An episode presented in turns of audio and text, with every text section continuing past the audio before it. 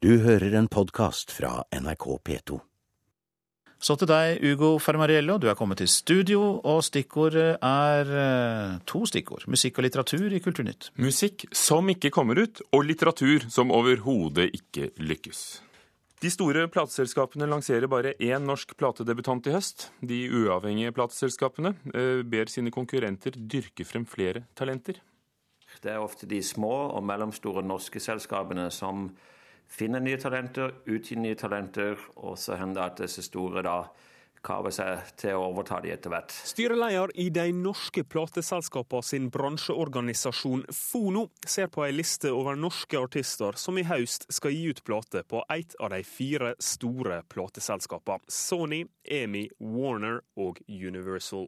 Men det står bare én debutant på lista. Så jeg må si det er jo uh, lik null, så å si. Og den som har fått flest stemmer av dere seere, er den eneste norske platedebutanten som i høst får gi ut plata si på et av de fire store selskapene, er Martin!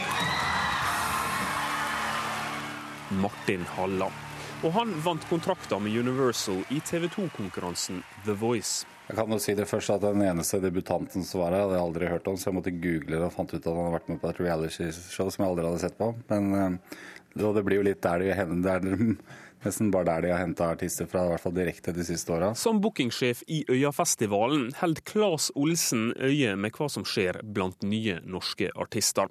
Han tror de store selskapene hadde gjort lurt i å ta tak i noen av disse, og dyrke fram flere egne artister. I en drømmeverden så hadde det vært bra at de brukte noen av de pengene de tjente på på backkatalog og andre artister og bygge opp nye. Og jeg tror de for dem selv del så er de også avhengig av å bygge opp eh, artister på lang sikt. Men jeg tror det kanskje er billigere å bare snatche og stjele fra de små selskapene og slippe å gjøre den grundige jobben sjøl. Der, altså er det bare en sånn liten sånn trapp opp når du kommer opp.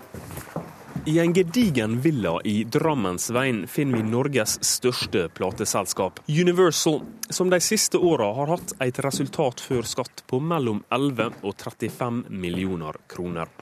I sitt kontor helt øvst i tårnet til den ærverdige bygninga sitter norskansvarlig Yngve Næss. Én norsk debutant fordelt på alle de fire store er for dårlig, innrømmer Næss. Det er helt klart altfor dårlig. Og det eh, mener jeg da at Universal kunne sikkert vært bedre på. Det har jeg ikke noe problem å si. Men når det er sagt, har ikke de kommersielle selskapene et utprega samfunnsansvar, mener Ness. Vi jobber jo ikke for å fremme nye artister i utgangspunktet. Vi jobber jo for å fremme nye artister vi tror kan nå et publikum. Vi er jo ikke her for å prøve å gi alle en mulighet til å gjøre plate. Det er ikke det vi driver med. Og kritikken om at de store plateselskapene snapper artistene som mindre plateselskap, bookingagenter eller managere har dyrka fram, den kritikken tar Ness med stor ro. Det er ganske lenge siden platebransjen drev og plukka band på byen. Det har ikke skjedd på ganske mange år. De fleste bandene du kommer og treffer på klubber på byen, har enten en avtale, eller så er det ikke bra nok. Eh, de er flinke når de kliner til. Eh, men de gjør det altfor sjelden. Tilbake hos Fono. Styreleder Larry Bringsjord mener de store selskapene bør ta et større ansvar. Også for andre enn aksjonærene sine. Eh, og heller la være å snappe opp artister som de uavhengige selskapene faktisk har båret fram, og la de få være litt mer i fred. og reporter her var eh, Sondre Bjørdal. Asbjørn Slettemark, journalist og programleder i Lydverket i NRK. Burde de la artistene være i fred og finne sine nye i de store plateselskapene? Altså, De store plateselskapene har jo alltid og driver jo uh, big business, uh, så deres eneste formål strengt tatt er jo å tjene penger til, til sine eiere i uh, utlandet. men når det er sagt, så er det jo klart at det er i de store plateselskapene sin interesse å ha en god katalog med norsk musikk eh, som de har utvikla gjennom tiår eh, etter tiår. Og, og når de da åpenbart ikke satser nok på norske debutanter i år, så er jo det sånn som kan gi seg utslag i, eh, i en dårligere katalog, og ergo mindre inntjening i, i årene som kommer. Bare én platedebutant i høst, og han vant altså en konkurranse på TV om å få utgitt plate, så de måtte vel nesten trå til. Mm. Men er det ikke bra for de små plateselskapene at de store ligger unna nye norske artister? Altså, Jeg tror det skjer utrolig masse positivt på, eh, blant mindre norske plateselskap for tida. Men det er klart at det må oppleves som frustrerende for små plateselskap når de store plateselskapene ikke lenger bidrar til å utvikle artister sånn som de tross alt gjorde gjennom spesielt 80- og 90-tallet og begynnelsen på 2000-tallet, som var storhetstida til de, de store plateselskapene. Da, da, var det en eh, Altså, Da var det en scene hvor både de små og de store plateselskapene kjempa om, om, å være med å utvikle eh, norske artister. Det førte til en veldig levende norsk eh, musikkscene. Men, men, hva skjedde? Det var jo kommersielle foretak den gangen også? Altså Det som skjedde var at De store plateselskapene på som sagt 80- og 90-tallet hadde enormt masse penger mellom hendene. Eh, Visakortene var, var, drapert i platiner og gull og var egentlig i stand til å, å bruke dem på nesten eh, hva som helst. Eh, utover eh, tidlig 2000-tallet, når eh, platesalget, eller CD-salget, da falt dramatisk, så førte det til enorme innstramminger, nedskjæringer og krav til umiddelbar profitt blant de store plateselskapene. Det fører til at vi ikke lenger kan eh, gi ut en, eller signere en norsk artist og gi den artisten tre-fire plater på å eh, oppnå en eller annen form for suksess eller inntjening. Vi må ha penger på bok i banken med en gang, ellers er ikke artisten liv laga. Men du mener tydeligvis Asbjørn Slettemark, at uh, plateselskapene trenger artistene, og de tjener penger på dem på sikt. Mm. Men trenger artistene plateselskapene? Er det ikke like viktig å slå gjennom gjennom f.eks. Urørt på NRK P3 eller på, på YouTube og MySpace? Altså, Plateselskapene har fått en annen funksjon enn hva de hadde på, på 90-tallet og, og 2000-tallet, eller spesielt 80- og 90-tallet, eh, da plateselskapene tok seg av eh, nesten hele liksom, platekarrieren til, til artister. Plateselskapene nå er helt nødvendig for at artister skal nå ut til et bredt publikum. Eh, plateselskapene er til stede for å tilrettelegge for f.eks. at radio skal få den musikken de trenger, at en skal ha en god distribusjon, at en skal eh, ha kontakt med iTunes og Spotify, som nå er den kontakten som tilsvarer den gamle kontakten med platebutikken. Um, så en kan gjerne komme seg et, et stykke av gårde gjennom å sitte på gutterommet og bare legge musikken sin ut på nettet, men du kommer aldri til å bli den nye bono av det. De fire store plateselskapene selger 85% av musikken i Norge. Eh, mener du, som de små plateselskapene, at de burde tatt et større ansvar for å dyrke frem nye, slik de gjorde i gamle dager? Uh, nei. Ja, altså, jeg, jeg, tenker jo at For deres egen del så burde de tatt et større ansvar. Men hvis en ser helt sånn isolert på det, så har jo ikke de store plateselskapene egentlig noe annet mandat enn ja, det samme som Statoil og Hydro har, som er rett og slett å tjener enormt masse penger. Men de leter jo. Nettopp. Eh, og det er akkurat det plateselskapene òg eh, bør gjøre. De bør lete der ute etter nye artister, dyrke de fram, og så kanskje så kan de skaffe seg et oljefond en gang, det òg. Asbjørn Slettemark i Lydverket her i NRK, takk. En av de fire grunnleggerne av fildelingnettstedet The Pirate Bay er arrestert i Kambodsja. De fire er dømt for brudd på opphavsretten i Sverige. Svensk politi sendte ut en internasjonal etterlysning etter Gottfried Svartholm Varg, og da han ikke møtte opp for å sone den ett år lange dommen i april. Politiet i Kambodsja undersøker nå muligheten for å utlevere ham til Sverige. De to landene har ingen utleveringsavtale. شكرا لك جورج اهلا بكم مشاهدينا الكرام على القناتين الاولى والفضائيه المصريه بالتلفزيون المصري slik høres hun ut, den første nyhetsoppleseren med hijab i Egypt på ti år på TV. Fatma Nabil var iført en hijab som dekket hår og halsen da hun leste opp nyhetene på den statlige TV-kanalen i går. Dette blir sett på som ett av flere tydelige tegn på endringer etter at islamisten Mohammed Mursi overtok makten i landet. Tidligere president Hosni Mubarak la ned forbud mot hijab på TV i 2002. I går ble det støpt fast åtte minnesteiner i forskjellige fortau i Trondheim til minne om de første jødene som ble drept under andre verdenskrig. Den tyske kunstneren Gunther Demnig har støpt 36 000 slike snublesteiner, som han kaller dem, i asfalt og brostein i mange land. Og i fjor ble de, lagt ned, de første lagt ned i fortauene i Oslo, og nå kan du stoppe opp ved dem i Trondheim. Her står det 'Hirsch-kommissar'. Fødselsår 1887. Arrestert 12.1.1942. Falstad drept 7.10.1942. Hmm. Her bodde han. Det er litt rart å tenke på. Tine kommissar sitter på huk og ser på den blanke minnesteinen som nettopp er blitt støpt ned i fortauet ved Klostergata 35 i Trondheim. Hennes farfar var jøde og ble et offer for nazismen. Jeg syns det er rørende på en måte at det er lagt ned en sånn stein. Og så syns jeg det er fint at det for framtida nå er et minne om den i Trondheim.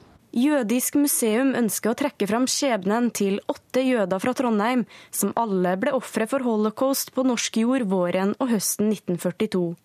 Derfor ble det søndag lagt ned åtte små minneplater i messing i asfalten ved ofrenes bostedsadresser. Velkommen hit, alle sammen. I dag så legger vi ned altså åtte såkalte stolpersteiner, eller på norsk snublesteiner. Det gjør vi for å minnes de jødene fra Trondheim som døde eller ble henrettet i fangenskap i Trøndelag før deportasjon til Auschwitz. For 70 år siden i år. Steinene legges ned i bakken foran husene hvor de som døde, bodde da de ble arrestert. Da er Gynter godt i gang, og steinen er snart klar. Kunstneren Gunther Demny har lagt ned mang en stein. Faktisk så mange som 36 000 i elleve forskjellige land. Han har allerede gravd i Oslos fortau, og etter at jobben er gjort i Trondheim, drar han videre til Larvik. Um, I can say I'm lucky to be here in Trondheim and can realize the Stolperstein project. Uh, I think it's a good uh, way to remember what happened, uh, what the Germans did, and uh, deport, deported uh, the Jewish people. Man kan si at det her med snublestein eller stolperstein, som det heter, det er et minnesmerke, men det er også i tillegg eh, et kunstig, kunstig gatemiljø. i tillegg så er det jo veldig pedagogisk virkning selvfølgelig at man i hverdagen kan oppdage at noe har skjedd i nabolaget sitt, f.eks. Og sånn som vi har sett eh, f.eks. den ene som vi la, er jo rett foran Three Lions, puben, en av pubene i Trondheim. Eh, og du ser at folk er interessert i det. Eh, og at det var ikke pub for 70 eh, år siden. Det var en gammel butikk der det faktisk var en person som bodde, som ble tatt i butikken sin og drept. Det er mange steiner å legge ned. Lisa Rebekka Paltiel, daglig leder ved Jødisk museum, håper flere navn vil bli støpt fast i fortauet i årene som kommer. Vi bestemte oss for de her åtte fordi at de var de første som ble drept av den jødiske befolkninga. Vi håper jo til slutt at vi skal klare å sette ned til alle ofrene som var under andre verdenskrig. Ble jo revet ut av livet eh, på en brutal, fryktelig måte. Det er veldig trist å tenke på at han fikk en sånn skjebne. Men nå kan du si at han får et slags liv her, da sa til slutt en av snublesteinene i Trondheim. Reporter var Ella-Berit Strugstad Mathisen.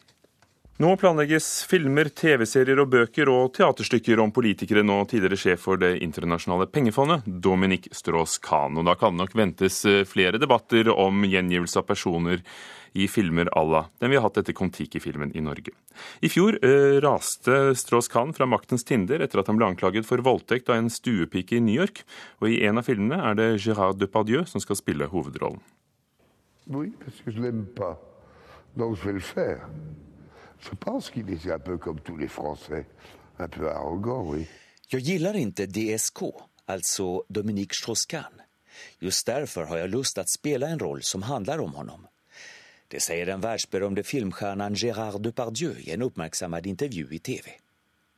Det är känt att har man för mycket makt, som vissa politiker, domare eller industriledare, så kan makten stiga en åt huvudet, säger Depardieu. C'est tellement connu que des gens qui ont des pouvoirs aussi énormes que l'argent, le FMI, ou comme des grands magistrats, Gérard Depardieu ska spela den skandalomsusade före detta IMF-chefen Dominique Strauss-Kahn i en film av den amerikanske regissören Abel Ferrara.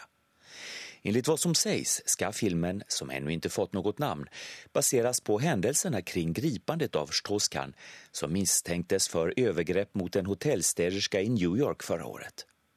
Rollfiguren kommer dock att få ett annat namn för att undvika allt för uppenbara likheter med DSK.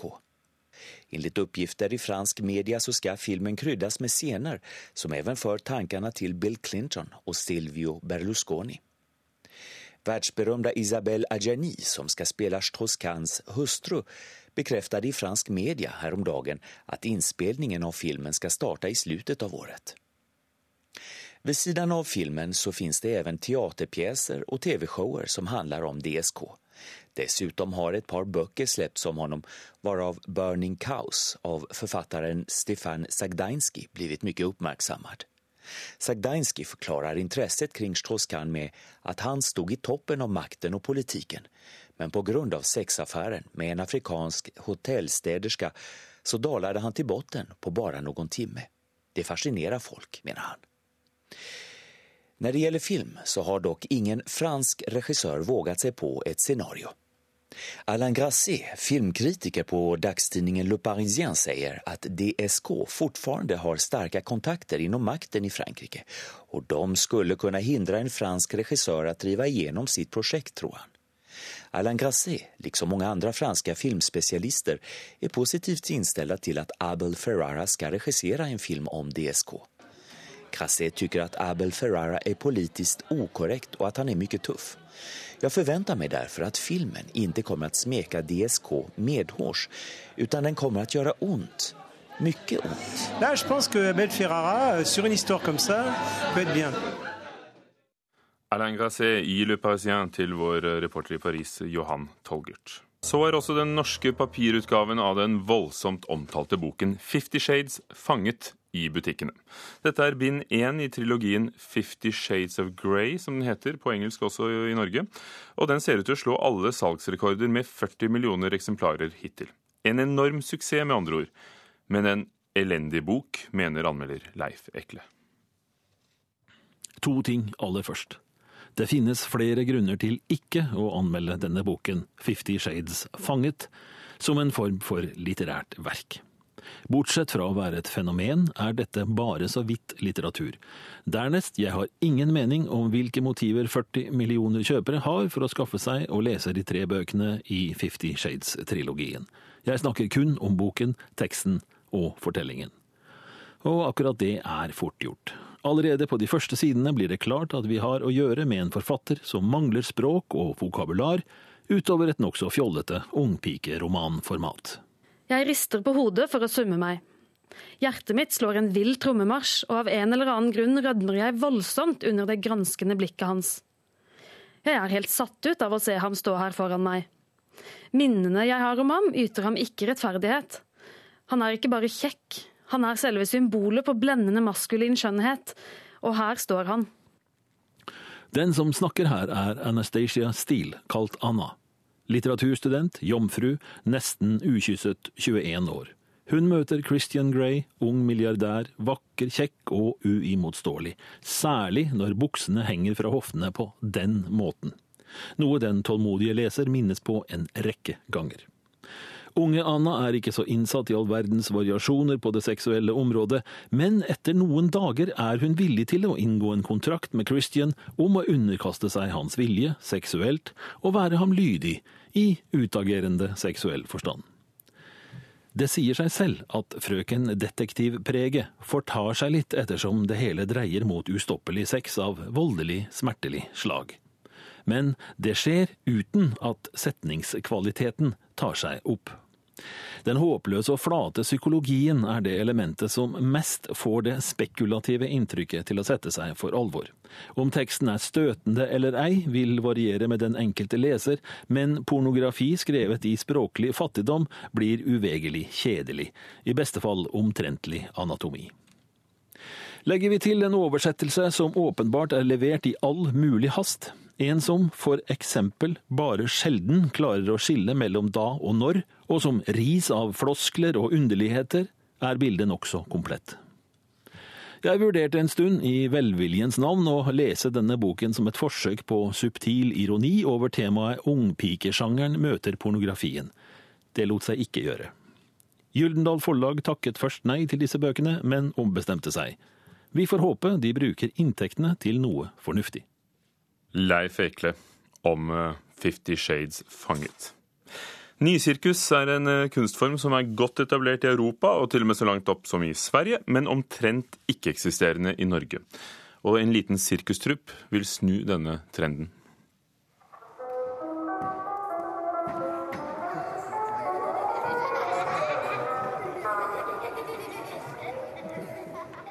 Utstyrt med en line, en megafon og ni musefeller opptrer sirkusartist Carl Stetz helt alene i et mørkt sirkustelt. Sirkus Shanti har ankommet Oslo. Den obligatoriske popkornlukten siver over plassen, men hestemøkk og elefanter kan man ikke se snurten av. Dette sirkuset driver ikke med klassisk sirkus, men med nysirkus, og denne sommeren har de reist rundt i Norge for å introdusere fenomenet for et norsk publikum. Nysirkus, kort sagt, er alle de formene for sirkus som dukker opp etter det tradisjonelle sirkuset, eller det gamle, klassiske sirkuset, som ble lagd på 1800-tallet. Men på ca. 1970-tallet så sprakk den formen.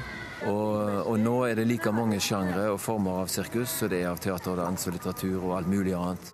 Det forteller kunstnerisk leder for Sirkus Shanti, Sverre Våge.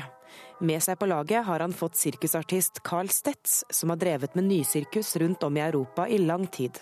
Nå har jeg vært i gang med det her i 20 år. Og noen ganger har jeg fornemmelsen av at det tenderer litt som å bli som store deler av danseverdenen, med et meget lille, trofast publikum. Andre ganger møter jeg stort, bredt publikum. Nysirkuset slo rot i Frankrike og England på 70-tallet og sprengte grensene for det klassiske sirkuset. Nysirkus blander sirkusferdigheter med dans, teater og performance, og har stor utbredelse i Europa. I Frankrike er det et meget, skjer det utrolig mye. I Spanien skjer det en del. I Italien, i Nord-Italien skjer det en masse. Også Sverige har et stort nysirkusmiljø og har blant Europas beste utdanningstilbud i sirkuskunst, men Norge ligger foreløpig langt bak. Det er veldig lite, eh, fordi, eh, fordi, det er ingen utdannelse i sirkus. Så dette som du ser her, den sirkuslandsbyen, det er den eneste satsingen norsk kultur har gjort på profesjonell utvikling av eh, nysirkus og sirkus som scenekunst i Norge. Alt var gøy. Hva syns du var morsomst med forestillingen? da? Det var når han snurret den rundt det derre tauet. Nå derimot kan det norske nysirkusmiljøet kanskje få en opptur. Uten Kulturrådet så hadde vi jo aldri kunnet gjort dette her. Når vi har fått ganske mye støtte. Vi har fått to perioder med tre år. Så nå uten 2014 så har vi fått seks år støtte fra Kulturrådet til å drive med dette. Sa Sverre Våge, som er leder for Sirkus Shanti, og reporter var Dana Banono. Du har hørt en podkast fra NRK P2.